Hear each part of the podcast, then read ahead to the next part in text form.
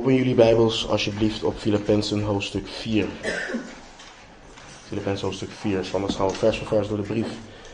van apostel Paulus aan de Filippenzen. En, uh, daar gaan we verder in hoofdstuk 4.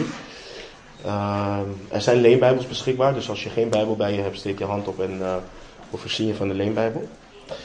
Laten we lezen. Um, vers 8. Bidden en dan de tekst induiken. Vers 8, Paulus schrijft onder leiding van de geest, hij schrijft verder, broeders. Al wat waar is, al wat eerbaar is, al wat rechtvaardig is, al wat rein is, al wat liefelijk is, al wat welduidend is. Als er enige deugd is en als er iets prijzenswaardig is, bedenk dat. Laten we bidden. Vader, we danken u, Heer, want Heer, uw woord is goed. En um, we bidden, Heer, dat het zal doen waartoe u het zendt, Heer. En dat, um, dat het vrucht mag dragen in ons leven. Heer, wilt u, uh, wilt u spreken door uw woord tot ons. En ons oren geven om te horen. In Jezus' naam. Amen. Volgens mij weten de meeste mensen al. Ik ben iets uh, langzamer. Ik ben niet uh, helemaal lekker. Dus um, een beetje geduld alsjeblieft met mij vandaag. Um, ik wil beginnen als eerste met het aanbieden van mijn omdat we, dat ik vorige week had gezegd dat we vers 8 en 9 gingen doen. Uh, maar we gaan deze en volgende week uh, stilstaan bij, uh, bij vers 8. Um, vooropgesteld, ieder, ieder onderwerp, iedere studie is er een wat mij aan het hart gaat. Maar dit thema, dit onderwerp, dit, dit ligt bij mij persoonlijk, ligt dat gewoon heel diep. Het navolgen van de Heer Jezus, het in gehoorzaamheid leven aan God, het onderschikken aan de geest, we zeggen het vaker, uh, is iets wat niet gebeurt op basis van gevoel, maar wat, met de, wat de Bijbel omschrijft met, met het hart, met het verstand wordt gedaan. Um, het christendom is geen mystieke religie. Het is een bovennatuurlijke religie, maar het is geen mystieke, geen mysterieuze religie. De schrift roept ons op om verstandig te handelen, om na te denken. En ik wil daarom vandaag ook goed de aandacht van onze kinderen hebben. Let op wat Paulus schrijft in 1 Timotheus 4, vers 15. Nadat hij een hoop al heeft geschreven in de brief. In de brief schrijft hij: Overdenk deze dingen. Leef erin opdat uw vorderingen op elk gebied openbaar worden. Dus overdenk deze dingen, leef erin, opdat uw vorderingen op elk gebied openbaar worden. In 2 Timotheus 2, vers 7 schrijft Paulus: Denk na over wat ik zeg, maar laat de Heere u inzicht geven in alle dingen. Denk na over wat ik zeg, maar laat de Heere u inzicht geven in alle dingen. Dus overdenk en denk na. Een aantal observaties, broeders en zusters, al, al, alhoewel we toegang hebben tot meer media dan ooit tevoren, wijst onderzoek uit dat mensen minder lezen en minder nadenken. Dus besef dat. We hebben nu meer toegang tot boeken, maar we lezen minder. Christenen hebben makkelijker en veel meer toegang tot de schrift, tot Gods woord, maar er wordt minder gelezen. En de vijand die maakt daar gebruik van. Er is een strijd gaande, een slagveld, een oorlog. En het is een strijd, een oorlog om onze gedachten, om ons denken, ons verstand. En deze stelling klinkt in eerste instantie super zwaar en dramatisch, maar bedenk het volgende. Wanneer iets of iemand controle heeft over het denken, het verstand van een persoon, dan heeft diegene of datgene controle over de persoon. En dit alleen al hoort ons de noodzaak van het gebruiken en het beschermen van ons verstand te doen beseffen. Wanneer iets of iemand controle heeft over het denken, het verstand van een persoon, dan heeft diegene of datgene controle over die persoon. En mijn vraag aan ieder van jullie die hier vanmorgen zit en ook aan de mensen die wellicht de studie uh, terug zullen luisteren. Wie of wat heerst er over jullie gedachten? Wie of wat heerst er over jullie gedachten? Onze tekst van vanmorgen roept ons op om te denken, om onze gedachten ergens op te richten. In Romeinen 12, vers 2, een vers wat velen van jullie kennen. Paulus schrijft daar: En wordt niet aan deze wereld gelijkvormig, maar wordt veranderd door de vernieuwing van uw gezindheid, om te kunnen onderscheiden wat de goede, welbehagelijke en volmaakte wil van God is. Dus wat schrijft de apostel Paulus? Wat bedoelt hij? Word niet als deze wereld. Word niet één met deze wereld. Identificeer je niet met deze wereld. Handel niet als deze wereld. Maar wat wel dan? Word veranderd door de vernieuwing van uw gezindheid. Word veranderd door de vernieuwing van uw denken. En het woord veranderd, het hinkt naar wordt getransformeerd door de vernieuwing van uw denken. Dit woord wordt gebruikt in Matthäus 17 vers 2 en Marcus 9 vers 2 wanneer er wordt geschreven dat de Heer Jezus voor de ogen van de discipelen van gedaante veranderde. En zijn gezicht straalde als de zon en zijn kleren uh, werden wit als het licht. Het Griekse woord is metamorpho. En dat klinkt, als het goed is, bekend. Lijkt op ons woord metamorfose. En dit hint voor ons niet naar het veranderen van gedaante, maar dat de innerlijke mens getransformeerd wordt dat de innerlijke mens veranderd wordt. Let op het woord vernieuwing in Romeinen 12, vers 2. In het Grieks wordt het beeld geschetst van uh, een nieuwe ontwikkeling, een vernieuwing wat teweeg wordt gebracht door de kracht van God. En kijk nu ook naar het woord gezindheid. Ik vind het mooi hoe het in, het, in de Statenvertaling staat. Er staat daar, uw gemoeds, staat daar. En hoe wordt dit woord gebruikt in het Grieks voor het verstand, redenvoering, intellect. En dan niet intellect of je slim bent of niet, nee, het vermogen om conclusies te kunnen trekken. Het vermogen om de werkelijkheid te kunnen scheiden van wat niet werkelijk is. Van wat niet de werkelijkheid is. En broeders en zusters, waarom leg ik hier nadruk op en waarom een hele studie hierover? Omdat het probleem van niet alleen de wereld, maar van ook een overgroot gedeelte van de mens die beleidt een discipel te zijn, een volgeling van Jezus te zijn, denkt niet na. Men denkt niet na. En dat terwijl de Bijbel oproept om na te denken, om te overdenken. Als je teruggaat naar onze tekst van vandaag en je kijkt naar het einde van vers 8. Paulus schrijft, bedenk dat. Kijk naar het woord bedenk. Het Griekse woord hier, hiervoor is logizomai. En welk woord hoor je hierin? Logisch. Logica. En wat betekent het woord in het Grieks? Hoe wordt het gebruikt? Onder andere op financiële wijze. Om te rekenen. Om te berekenen. Om reden te voeren. Om tot een conclusie te komen. Naar iets te overdenken en of te toetsen. Rekening houden met. En waarom het belangrijk is, broeders en zusters, kijk, wij, wij zijn geen, wij mensen, wij zijn geen redeloze dieren. Wij zijn mensen gemaakt naar het evenbeeld van God. Wij zijn geen dieren die doen wat ze voelen of die handelen naar hun instinct. Wij hebben door onze schepper het vermogen, de mogelijkheid gekregen om te denken. Maar door de val van de mens gebruikt de mens haar verstand niet zoals God het heeft gegeven en bedoeld heeft om dat te doen.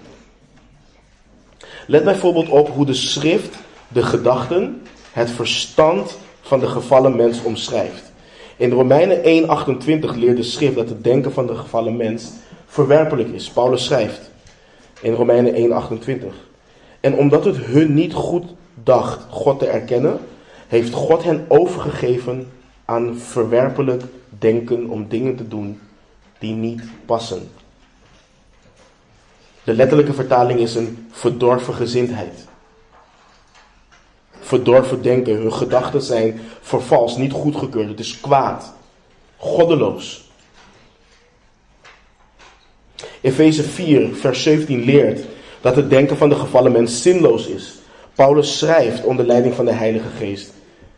Dit zeg ik dan en getuig ervan in de Heer, dat u niet meer wandelt zoals de, zoals de andere heidenen wandelen, in de zinloosheid van hun denken. In de zinloosheid van hun denken. Paulus bedoelt, hun denken is ijdel, het is leeg, het is onrealistisch, het is doelloos, ineffectief, instabiel, het is zwak. Dat is wat geschetst wordt in de grondtekst. Het volgende vers in Efeze 4, Efeze 4 vers 18, leert het volgende over het denken van de gevallen mens. Dat het verduisterd is. Laten we beide versen weer lezen, 17 en 18. Dit zeg ik dan, en getuig ervan in de Here, dat u niet meer wandelt zoals de andere heidenen wandelen, in de zinloosheid van hun denken, verduisterd in het verstand, vervreemd van het leven dat uit God is, door de onwetendheid die in hen is, door de verharding van hun hart. Dus in het Grieks wordt naar het volgende gehind. Een toestand van morele, geestelijke duisternis. Het spreekt van blindheid. Ze zijn verblind in hun denken. Paulus bevestigt dit ook in 2 Korinthe 4, vers 4. Hij schrijft daar van hen, de ongelovigen geldt dat de God van deze eeuw hun gedachten heeft verblind. Opdat de verlichting met het evangelie van de heerlijkheid van Christus, die het beeld van God is, hen niet zou bestralen. Dus van de ongelovigen wordt gezegd, de Satan heeft hun gedachten verblind. Het is verduisterd. Het licht van het evangelie, het licht van het goede nieuws van Jezus Christus kan hen niet bestralen. Het bereikt hen niet, het verlicht hun verstand niet. Let op, we hebben het net gelezen, let op hoeveel de schrift spreekt over ons verstand. Let op hoeveel de schrift spreekt over ons denken en hoe diepgaand de schrift spreekt over ons denken. Maar in evangelische kringen, in de beleidende kerk, wil men niet spreken over het verstand. Men wil niet praten over denken. Men wil praten over voelen. En kijk goed om je heen. Luister goed om je heen. Hoe vaak hoor je de vraag nog: is dit waar? Is dit waar? Is dit wat er gezegd wordt waar?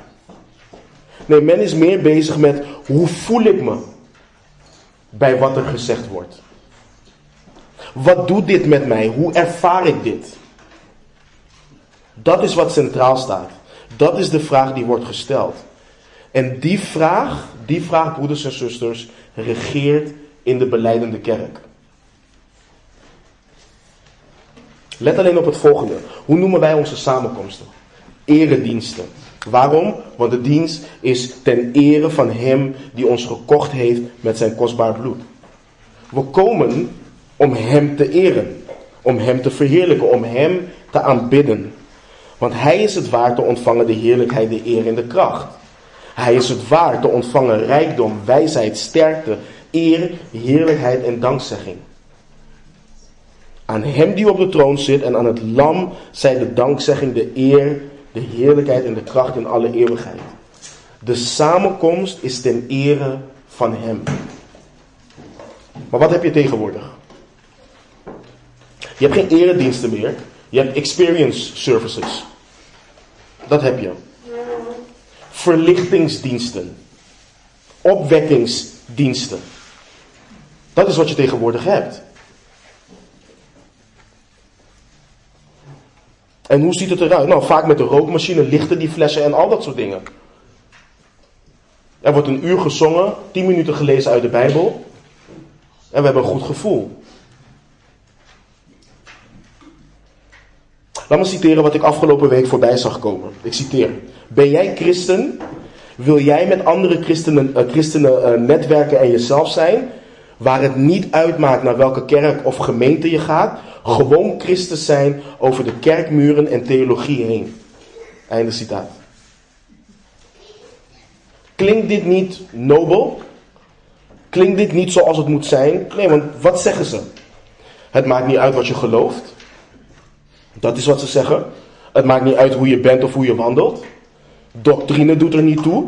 Kom gewoon en wees jezelf. En is dit in lijn met wat het woord van God leert? Nee. Maar het wordt opgedronken door beleidende discipelen als een man in de Sahara. Dat is wat er gebeurt tegenwoordig. We denken niet, maar de schrift roept ons op om te denken. De schrift spreekt veel van ons verstand. Maar de onwetende beleidende discipel, die spreekt van het hart. En dat is waar het fout is gegaan. Want een overgroot gedeelte van de beleidende kerk is het hart gaan scheiden van het verstand. Het is het hart gaan scheiden van ons denken. En de schrift maakt dat onderscheid niet.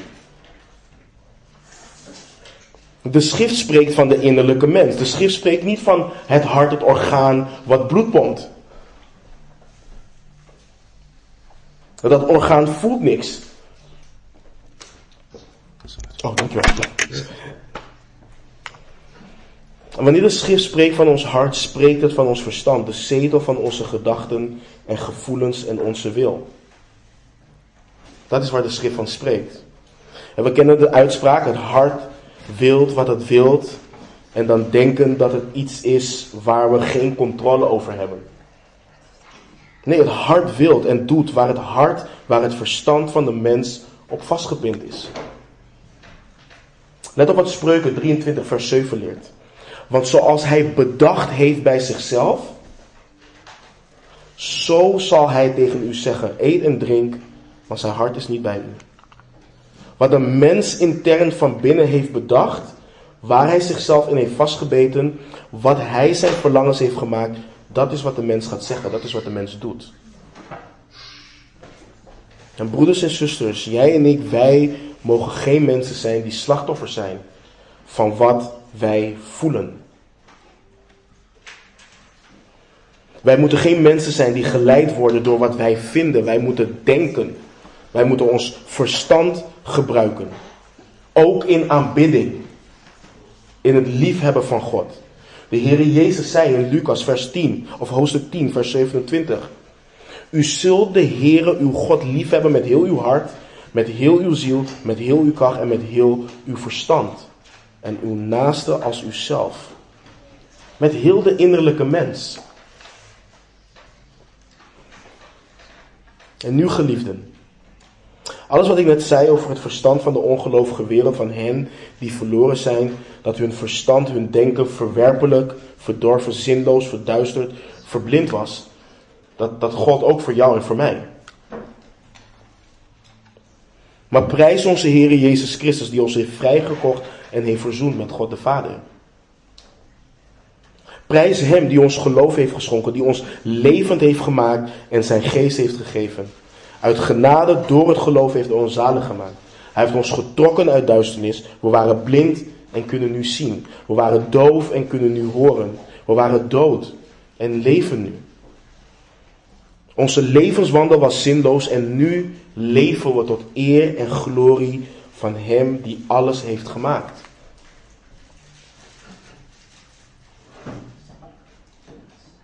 En dit allemaal uit genade. We hebben niets gedaan om dit te verkrijgen. Dit was niet onze loon, dit is genade vrij uitgegeven. Vrij, uitgegeven. Zoals we, lezen, zoals we weten, niets nemen we mee in onze handen. We klampen ons simpelweg vast aan het kruis waar onze zaligmaker ons vrijkocht. Hij heeft al onze zonden weggedaan. Hij denkt er niet meer aan. De gerechtigheid van onze zaligmaker is op ons. We zijn nieuwe scheppingen in hem. Al het oude is voorbij gegaan. Zie, alles is nieuw geworden. Er heeft een verandering plaatsgevonden. Je hoort niet meer te leven als voorheen. Je hoort niet meer te leven als de wereld. Nee, je hoort nu te leven op een manier dat je je licht zo laat schijnen voor de mensen, dat zij je goede werken zien en je Vader die in de hemelen is verheerlijken. Je hoort je leven te wijden aan God als een levend offer, heilig en voor God welbehagelijk. Dat is uw redelijke godsdienst, schrijft. Maar hoe begint dat? Hoe begint dat? In je denken, in je verstand. Het begint in je hart. En dat hart, dat verstand, het moet beschermd worden tegen al hetgeen wat het, wil, wat het van de wil van God af wilt houden. Tegen al hetgeen wat niet in lijn is met wie God is in zijn wezen en wat hij heeft geopenbaard in zijn woord. Spreuken 4, vers 23 leert ons: Bescherm je hart boven alles wat te behoeden is, want daaruit zijn de uitingen van het leven. Hij zegt niet bescherm alleen je hart, maar let goed op wat hij zegt. Boven alles wat te behoeden is. Boven alles wat je dient te beschermen. Dit is hetgeen wat je moet beschermen. Dit is cruciaal. Dit is essentieel. Dit is het allerbelangrijkste. En waarom? Want wat je denkt, wat er in je hart komt, dat is wat tot uiting komt in je leven. Een oproep aan alle ouders. Totdat het kind dit zelf kan, zijn jullie verantwoordelijk voor wat er in het hart, in het verstand van je kind komt. Waar kijkt het kind naar? Wat hoort het kind? Waar wordt het mee gevoed? Van de week was mevrouw bij de bibliotheek met, met, met de meiden en wat trof ze daar? Een boek voor meisjes van 4 tot en met 8 over feminisme, waar ze worden geleerd om mannen te haten. Dat ze geen man nodig hebben. Dat ze de strijd moeten aangaan met mannen. Dus ergens is er iemand die dit boek heeft geschreven om het denken, het verstand van je kind te vormen. God zegt, het is niet goed dat een mens alleen is. Zij zegt, je hebt niemand nodig, je hebt geen man nodig.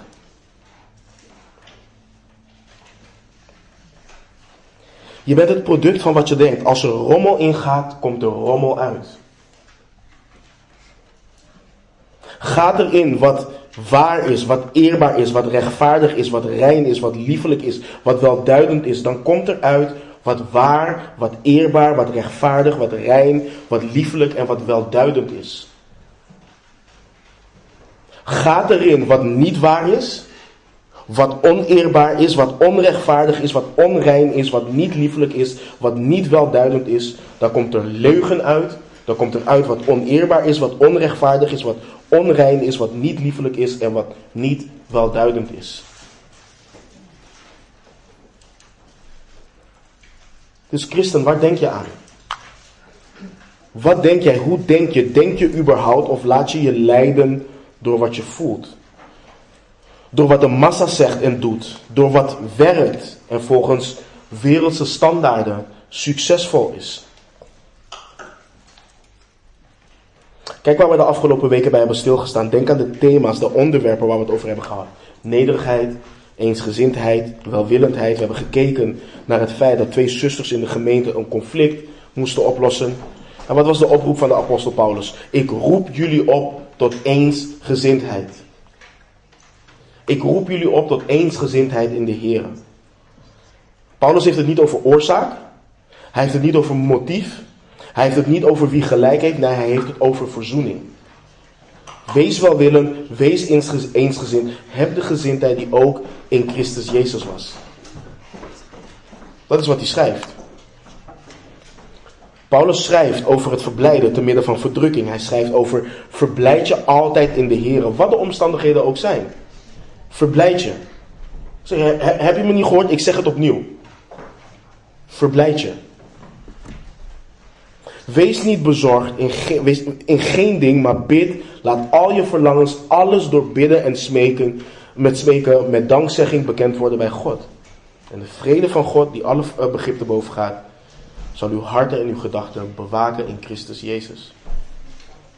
En dit wat Paulus onder leiding van de geest gebiedt, dit helpt ons om staande te blijven in de Heer. Zo blijven we staande in de Heer. Maar wat zegt de wereld? De wereld grijpt naar psychologie. En de wereld zegt je moet graven in je verleden. Alles wat je hebt meegemaakt. Denk daaraan. Breng het naar boven. Alle pijn, alle trauma. Alles. Breng het naar boven. Je moet eerst dat hebben gedaan. Wil je een standvastig en stabiel leven kunnen leiden. Confronteer uh, je emoties. Confronteer je gevoelens. Wek ze op en ga het gevecht aan. God zegt door Paulus, al wat waar is, al wat eerbaar is, al wat rechtvaardig is, al wat rein is, al wat liefelijk is, al wat welduidend is, als er enige deugd is en als er iets prijzenswaardig is, bedenk dat. Dat is wat je moet bedenken. Maar de methode van de wereld is ook de kerk ingeslopen. Ik zei, ik zei het al, de kerk wil niet denken, de kerk wil niet redenvoeren, de kerk wil het voelen. De kerk wil ervaren. Niet de waarheid is wat regeert, maar wat voor gevoel geeft het me? Dat is belangrijk. En God zegt nee. Want ons geloof is geen blind geloof. Het is gebaseerd op waarheid. En het is niet alleen gebaseerd op waarheid, het is waarheid. Want ons geloof draait om Hem die de waarheid is. Om Jezus Christus. Dus christen, denk. Gebruik je verstand. Gebruik het zoals God het opdraagt om te gebruiken. Wat is het gevaar en het resultaat als discipelen van Christus niet nadenken? Dan kunnen ze geen stand houden. Dan zullen ze geen stand houden. Een discipel van de Heer Jezus die, die niet nadenkt, die niet de dingen van God bedenkt, die houdt geen stand. Die wordt heen en weer geslingerd door de golven en meegesleurd door elke wind van leer. Die blijven kinderen in hun denken. Die zijn zoals Jacobus schrijft, dubbelhartig en onstandvastig in al hun wegen. Het zijn twijfelaars, ze lijken op de golf van de zee die door de wind voor, voorgestuwd en op en neer geworpen worden. Ze dwalen, drijven af en zullen schipbreuk in het geloof leiden.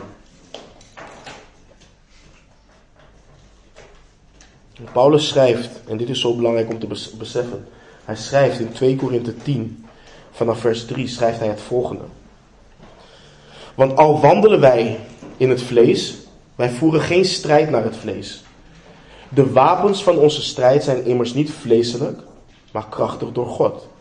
Tot afbraak van bolwerken, want wij breken valse redeneringen af en elke hoogte die zich verheft tegen de kennis van God. En wij nemen elke gedachte gevangen om die te brengen tot de gehoorzaamheid aan Christus. En wij staan gereed om elke ongehoorzaamheid te bestraffen, zodra uw gehoorzaamheid volkomen zal zijn. Als jij valse redeneringen, valse gedachten niet gevangen neemt, dan nemen ze jou gevangen. Als je valse redeneringen, valse gedachten niet kruisigt, dan kruisigen ze jou. En dit geldt voor het individu, maar dit geldt ook voor de kerk in het geheel. Zodra de kerk valse redeneringen en valse gedachten niet gevangen neemt om die gedachten tot gehoorzaamheid aan Christus te brengen, dan nemen die gedachten, die redeneringen die zich verheffen tegen de kennis van God, de kerk gevangen. Dat is wat er gebeurt. Laat me een paar voorbeelden geven. Onze gedachten over kinderen. Onze eigen kinderen, maar ook de kinderen van anderen. De gedachte over kinderen in de kerk is en wordt nu voor een groot gedeelte niet door de schrift, maar door de pedagogiek en psychologie gevormd. Wanneer kinderen peuters zijn en zich misdragen, dan zeggen we: Ach, je kent de fase waarin ze zitten. We vinden ze schattig, we vinden ze onschuldig, we vinden bepaalde dingen die ze doen, vinden we zelfs grappig. Wanneer ze vervolgens kleuters zijn en zich misdragen, dan zeggen we, ach, je kent de fase waarin ze zitten. Wanneer ze een kind in de schoolkindfase zijn en, zij zich misdragen, dan zeggen we, ach, je kent de fase waarin ze zitten. Wanneer ze tieners, pubers zijn en, en zij zich misdragen, Ach, je kent de fase waarin zij zich bevinden. Wanneer ze jong volwassen zijn en zij zich misdragen. Ach, je kent de fase waarin ze zitten. En zo gaat het door totdat de mens sterft. Maar God leert in zijn woord, hij heeft gesproken en gezegd, dat het ongehoorzame kind niet schattig is, niet onschuldig is, niet grappig is, het leert dat het kind een dwaas is en er opgetreden moet worden tegen die ongehoorzaamheid. Dat is wat de schrift leert. De wereld leert dat een kind disciplineren niet helpt, dat het liefdeloos is, etc. De schrift leert dat wie zijn kind lief heeft naar de vermaning streeft. Het leert dat je je kind geen vermaning moet onthouden. De wereld leert dat het kind ADHD heeft, dat het kind prikkelbaar is, dat het kind hoge sensitiviteit heeft, dat het kind een eigen sterke wil heeft of dat het zelfs hoogbegaafd is. God leert dat het kind een zondaar is. Dat het kind ongehoorzaam is. Dood door de zonde en overtredingen. Dat het kind God niet vreest. Dat het kind vader en moeder niet eert. En je vader en je moeder niet eren is het breken van het vijfde gebod. Dat is ongehoorzaamheid. De wereld leert dat het kind vrijheid nodig heeft, dat het zichzelf moet leren ontdekken om een eigen identiteit te vormen. Dat het niemand toebehoort, niet eens de ouders, maar zichzelf. De, kind, de, de schrift leert dat alles en iedereen God toebehoort. En niet in de zin dat alles en iedereen is verlost, maar alles in en op de aarde is van God. God leert door de schrift dat het kind opnieuw geboren moet worden. Dat het kind nieuw leven nodig heeft en nu gebonden is als slaaf van de zonde. Het kind moet niet zijn of haar eigen identiteit ontdekken. Het kind moet zichzelf verloochenen en een identiteit in Christus ontvangen. Het kind heeft verlossing, genade nodig, alleen gevonden in Christus Jezus. Onze kinderen worden gebrainwashed op school. Allerlei ideologieën worden hen geïndoctrineerd op scholen. Kinderen leren dat jongens meisjes kunnen worden en, en meisjes jongens. Ze leren dat mensen en dieren gelijk zijn. Ze leren dat een gezin niet meer bestaat uit een vader en een moeder. Nee, twee papa's of twee mama's zeggen ze. En is dat niet genoeg, dan doen ze twee papa's en een mama erbij.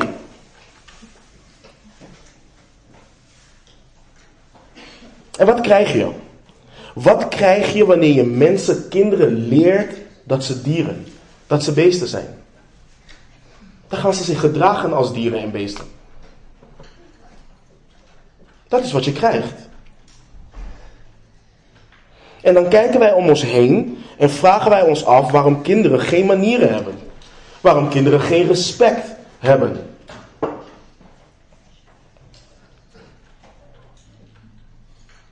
En zo kan ik doorgaan over hoe we kijken naar kinderen, hoe we denken over kinderen. De cruciale vraag die we onszelf moeten stellen is: wat en of wie bepaalt jouw gedachten over kinderen? Wat je voelt, wat mensen vinden of wat waar is. Laten we het hebben over relaties en gemeenschap. De wereld brengt het huwelijk terug tot simpelweg een papiertje. Een papiertje wat je ondertekent bij het gemeentehuis en zo doormidden kan scheuren. Als het niet werkt, als je niet gelukkig bent, als je niet meer van iemand houdt, verlaat die persoon gewoon. Kies voor jezelf en ga op zoek naar het geluk in jezelf of in een ander. De schrift leert dat het huwelijk heilig is, dat het diepgaand is. Dat het de mens overstijgt, dat het een levenslange verbindenis is tussen een man en een vrouw. Dat heeft de kerk niet bedacht, dat heeft de mens niet bedacht, dat heeft God zo bedacht in al zijn alwetendheid, voorziening en soevereiniteit. Hij heeft het bedacht. Hij geeft het huwelijk als zegen en wij mogen ervan genieten. Maar Efeze 5, vers 31 en 32 leert ons wat het is. Daarom zal een man zijn, eh, zijn vader en moeder verlaten en zich aan zijn vrouw hechten. En die twee zullen tot één vlees zijn. Dit geheimenis is groot, maar ik spreek met het oog op Christus en de gemeente. Dit overstijgt ons, dit is een groot geheimenis. Maar hij spreekt met het oog op Christus en de gemeente. Dus ik definieer het huwelijk niet. Ik bepaal niet hoe het is, ik vul het mezelf in. God doet dat.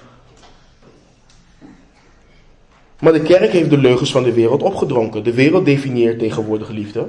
Niet hij die liefde is, nee, de wereld.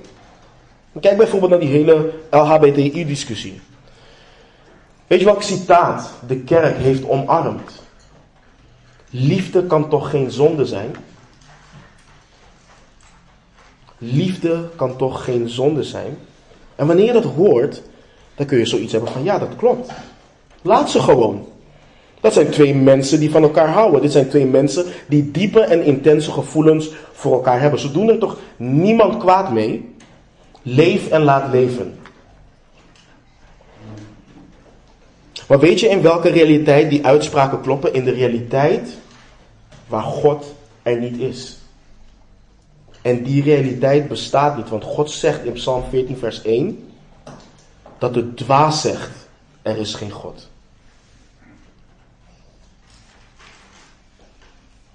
Maar wij geloven dat er een God is. Wij geloven dat Hij is. Wij geloven dat Hij heerst en dat Hij zit op de troon. Wij geloven dat wat Hij zegt waar is. Dat alles wat Hij zegt waar is. Dus wat moeten wij, wat wij onszelf dienen af te vragen wanneer we dit horen is: geeft dit citaat me een goed gevoel of is het waar? Is het waar? Is het overeenkomstig wat God heeft gezegd? Wat zijn de argumenten die gebruikt worden in de afgelopen bewegingen, in de afgelopen movements? Argumenten die een beroep doen op ons gevoel. Niet argumenten die berusten op waarheid. Niet argumenten die je dwingen om na te denken. Argumenten die sympathie proberen op te wekken. Ik noemde net al, liefde kan toch geen zonde zijn? Of over onze kinderen. Het is zielig, ze zijn onschuldig, ze weten niet wat ze doen. Maar kijk ook bijvoorbeeld naar die hele woke-cultuur en die discussie rondom racisme. Wat zeggen ze? Ze komen niet met feitelijke argumenten. Ze zeggen: Jij weet niet als witte man hoe het voelt om onderdrukt te worden. Dus per definitie mag je dan niks zeggen. Per definitie mag je niks zeggen. Je hebt geen recht van spreken, ook niet de feiten. Want je weet niet hoe het voelt. Dat is dwaasheid. Het gaat niet om wat ik voel, het gaat om de waarheid. En de kerk deed en doet eraan mee. Maar wat dacht je van een jonge dame die gemeenschap heeft buiten het huwelijk en abortus wil plegen? Je gunt haar toch een toekomst? Ze is nog zo jong. Ze heeft haar hele leven nog voor haar liggen. Allemaal argumenten om sympathie op te wekken om de daad van een kind in de baarmoeder te doden te rechtvaardigen. Maar niemand heeft het over het feit dat ze te jong was om gemeenschap te hebben. Niemand heeft het over het feit dat ze gemeenschap met een man had waarmee ze niet getrouwd is. Niemand heeft het over het feit dat een kind je leven niet verpest, maar dat een kind een zegen is van God. We weten allemaal, als we goed luisteren naar deze hele discussie, dat het niet daarom gaat, maar gaat om het feit dat je baas bent over eigen lichaam en je kunt doen met je lichaam wat je wilt. Dat is de gedachte die ze willen pushen. Maar ook dat is een leugen. En zeker voor de christen. Je kunt niet doen met je lichaam wat je wilt. En je bent niet de baas over je eigen lichaam. Want God zegt door de pen van de apostel Paulus. Of weet u nu dat uw lichaam een tempel is van de Heilige Geest? Die in u is en die u van God hebt ontvangen. En dat u niet van uzelf bent. U bent immers duur gekocht. Verheerlijk daarom God in uw lichaam en in uw geest. Die van God zijn.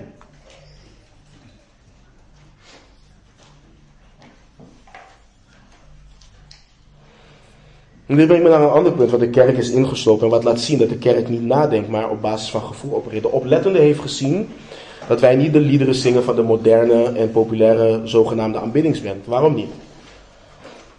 Omdat in veel van die liederen het, gaat, het niet gaat om de inhoud, maar het gaat om wat voor gevoel het nummer je geeft. Het gaat om de ervaring. Of wat men nou zingt waar is of niet, dat maakt voor velen niet uit. Als de naam van de Heer Jezus erin voorkomt, dan maakt het voor de, rest, voor de rest niet uit wat erin wordt gezongen. Maar kunnen we dat waarlijk zeggen? Is het gegrond om dit te zeggen? Onze God is waarheid. Jezus is de weg, de waarheid in het leven. Zou wat we over hem zingen ook niet waar moeten zijn? Ik geef een simpel voorbeeld. Iemand die heel goed ken, ongelovig, had een nummer van Hillsong in haar playlist op Spotify. Had niet door dat het een aanbiddingsband is. Dat is frappant. Dat is frappant dat je dat gewoon in je playlist kan zetten en niet dat een band die zichzelf christelijk noemt, liederen kan zingen waarvan iemand niet weet, hé, hey, wacht eens even, dit moet over God gaan. Nee, want ze zingen niet over God.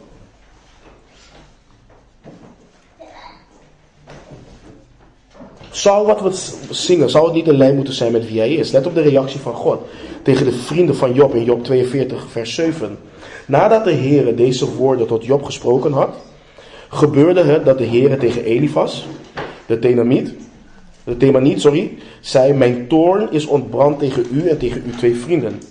Want u hebt niet juist over mij gesproken, zoals mijn dienaar Job. Is wat we zingen waar? Komt het overeen met de waarheid, overgeleverd door de Heere God? Komt het overeen met zijn woord? De Heere Jezus zei: Uw woord is de waarheid. Wij als christenen moeten nadenken. We moeten de dingen van God bedenken. We moeten de dingen die we horen toetsen. We moeten stoppen met achter ons eigen gevoel aangaan en ons eigen denken aangaan, maar ons denken laten hernieuwen door God. Dit is waarom de mensen in Berea in Handelingen 17 edeler van gezindheid waren. Nobeler waren. Wat deden zij? Handelingen 17 vers 11. En deze waren edeler van gezindheid dan die in Thessalonica, want zij ontvingen het woord met grote bereidwilligheid en onderzochten dagelijks de schriften om te zien of die dingen zo waren.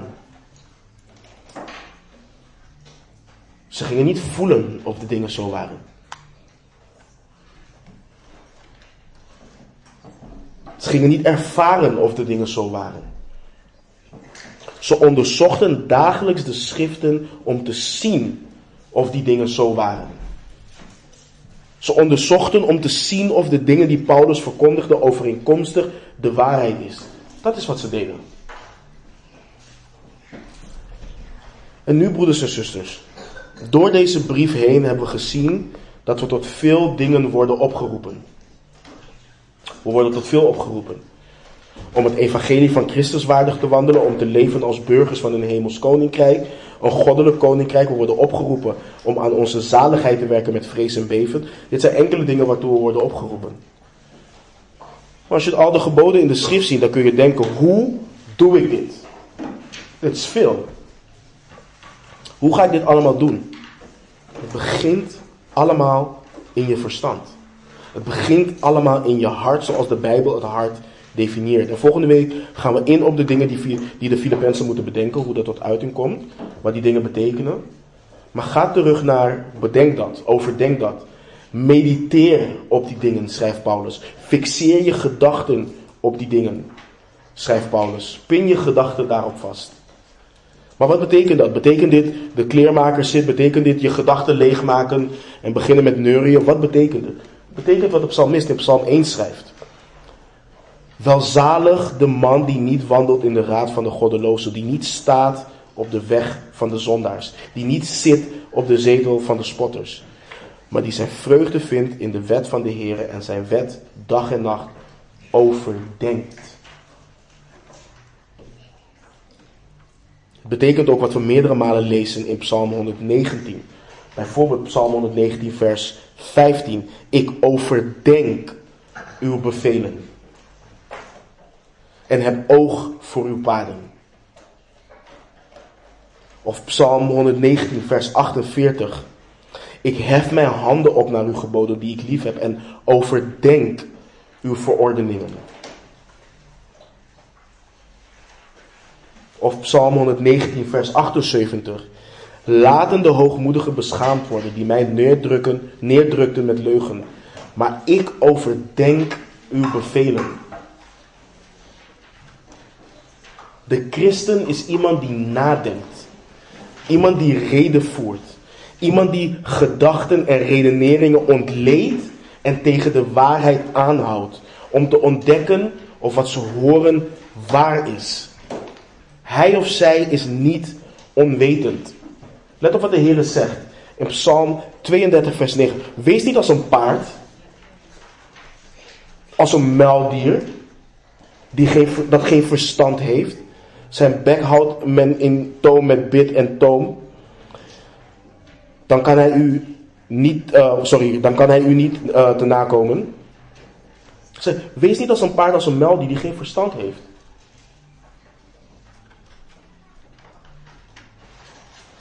Denk na. Asaf, de psalmist, schrijft in Psalm uh, eh, 73, vers 21 en 22. Toen mijn hart verbitterd was en ik in mijn nieren geprikkeld werd, hoe onverstandig was ik toen. Ik wist niets. Ik was een redeloos dier bij u. God wil niet dat je onverstandig bent. Hij wil niet dat je als een redeloos dier bent. Hij openbaart zichzelf in zijn woord opdat je zijn glorie kunt ontdekken. Opdat je zijn wil kunt leren onderscheiden en leven naar zijn wil. Is het niet ironisch dat in de afgelopen jaren er zoveel boeken zijn geschreven over het leren ontdekken van Gods wil en het verstaan van zijn stem en beleidende christenen onwederder zijn dan ooit tevoren? Boek na boek wordt erover geschreven. Ontdek Gods stem, leer Gods stem verstaan. Cursussen hebben ze ervan. Als je kijkt in de tijd van de Puritijnen, als je gaat naar ongeveer de 17e eeuw, dan zul je geen boeken vinden die over dit onderwerp gaan. En toch wisten die mensen de wil van God te onderscheiden. Waarom? Hun denken was gericht op God en wat Hij geopenbaard had in zijn woord. Maar wij, wij, willen dat niet. Wij willen naar een dienst gaan waar een of andere zelfbenoemde apostel ons kan leren de wil van God te onderscheiden. Ons kan leren om Gods stem te verstaan. Wil je Gods stem verstaan? Lees de Bijbel. Lees de Bijbel. Men mediteerde op het woord van God. Ze vulden hun gedachten met het woord van God en gingen dat overdenken. God is heilig. Wat betekent het dat God heilig is? En wanneer je leest zoals hij die jou geroepen heeft heilig is, wees zelf ook zo heilig. Wat betekent dat? Hoe kan ik heilig leven of heilig zijn zoals God het is? Waartoe word ik opgeroepen? Wat betekent dit voor de dingen waarnaar ik luister, waarnaar ik kijk, de dingen die ik lees, de mensen waarmee ik omga? Waartoe motiveren en drijven die dingen mij? Als God heilig is en er in hem in het geheel geen duisternis is, als, als hij licht is, wat betekent dat voor mijn levenswandel? En hoe kan het dat een heilige God mij rechtvaardigt zonder zijn heiligheid te verliezen? Hoe kan dat? Wanneer je met de schrift, aan de hand van de schrift, denkt over deze diepgaande vragen, dan zul je leren stand houden. Dan zal je zien. Je gaat leren dat je gered wordt door genade, behouden wordt door genade. Maar dat die genade en barmhartigheid, die ontfermingen van God, je drijft tot gehoorzaamheid. En het mediteren in de Bijbelse zin, het is bewust. Het is niet even aan het einde van de dag de schrift lezen wanneer je helemaal op bent, maar denkt, oh ja, ik moet ook nog even de Bijbel lezen. Nee. Het is een vreugde om de schrift te openen, bewust de tijd te nemen en Hem door Zijn woord jou te laten onderwijzen.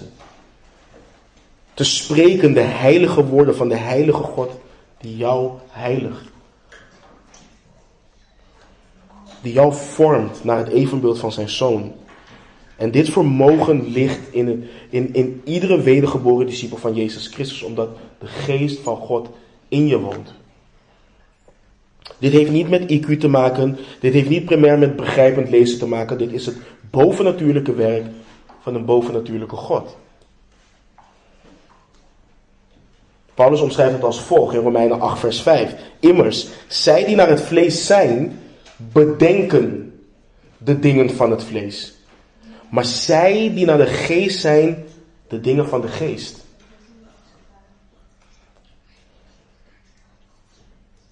Denk niet het dwaze in je hart door jezelf te zeggen, ja maar, weet je, jullie gaan voor, jullie zijn ouderlingen, jij geeft bijbelstudies, jij hebt een salving. dat hoor je vaak in die charismatische kerken. Johannes schrijft aan zijn discipelen, aan boeren, slaven, vissers, tentenmakers, het volgende in zijn brief. Maar u hebt de salving van de heilige en u weet alles. Dat geldt ook voor jou als jij in Christus bent en Christus in jou is. Laat niemand je wijsmaken dat je naar een ander moet gaan om, om te zeggen van hé, hey, ik kan de schrift gaan leren interpreteren. Of ik ben afhankelijk van een ander om de wil van God te leren onderscheiden. Ja, God heeft herders en leraars gegeven, absoluut.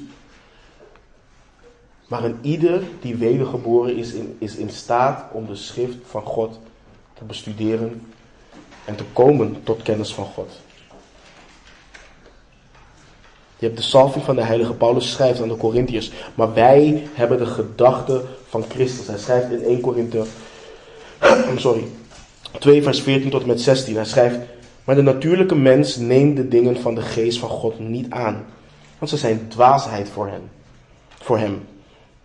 Hij kan ze ook niet leren, omdat ze geestelijk beoordeeld worden. De geestelijke mens beoordeelt wel alle dingen, zelf echter wordt hij door niemand beoordeeld. Want wie heeft de gedachten van de Heer gekend? Dat hij hem zal onderrichten. Maar wij hebben de gedachten van Christus. Wij hebben de gedachten van Christus. Broeders en zusters, wij hebben de strijd niet tegen vlees en bloed.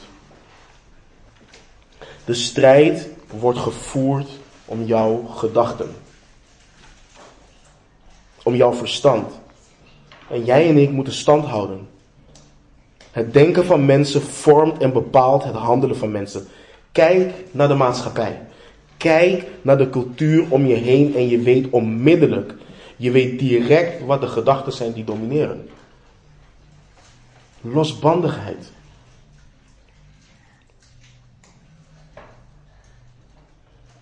Als wij onze gedachten laten beïnvloeden door hoe wij ons voelen, als wij het laten beïnvloeden door de wereld, dan zullen we gelijkvormig worden aan de wereld. Dan zal de wereld de cultuur van de kerk bepalen.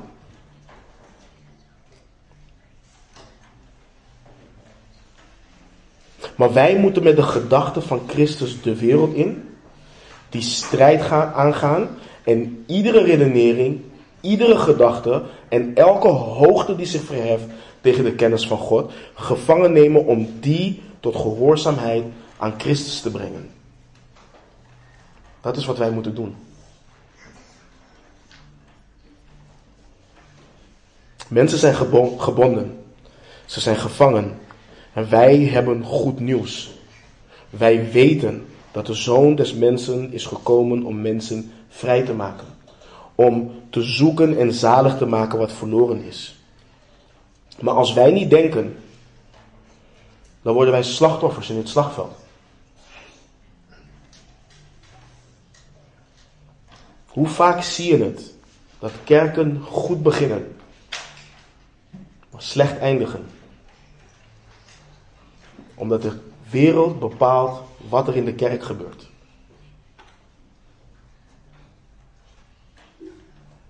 Daarom, broeders en zusters, al wat, eer, al wat waar is, al wat eerbaar is, al wat rechtvaardig is, al wat rein is, al wat liefelijk is, al wat welduidend is, als er enige deugd is, en als er iets prijzenswaardig is, bedenk dat. Denk na. Amen. Laten we bidden. Vader, Heer, we danken u, Heer, dat we gemaakt zijn naar uw evenbeeld. En we danken u, Heer, dat ons verstand niet meer verduisterd is. Dat u ons verlichte ogen van ons verstand hebt gegeven. En dat wij uw woord hebben, Heer, om te leren onderscheiden wat uw welbehagelijke en volmaakte wil is. Heer, help ons om stand te houden in ons denken.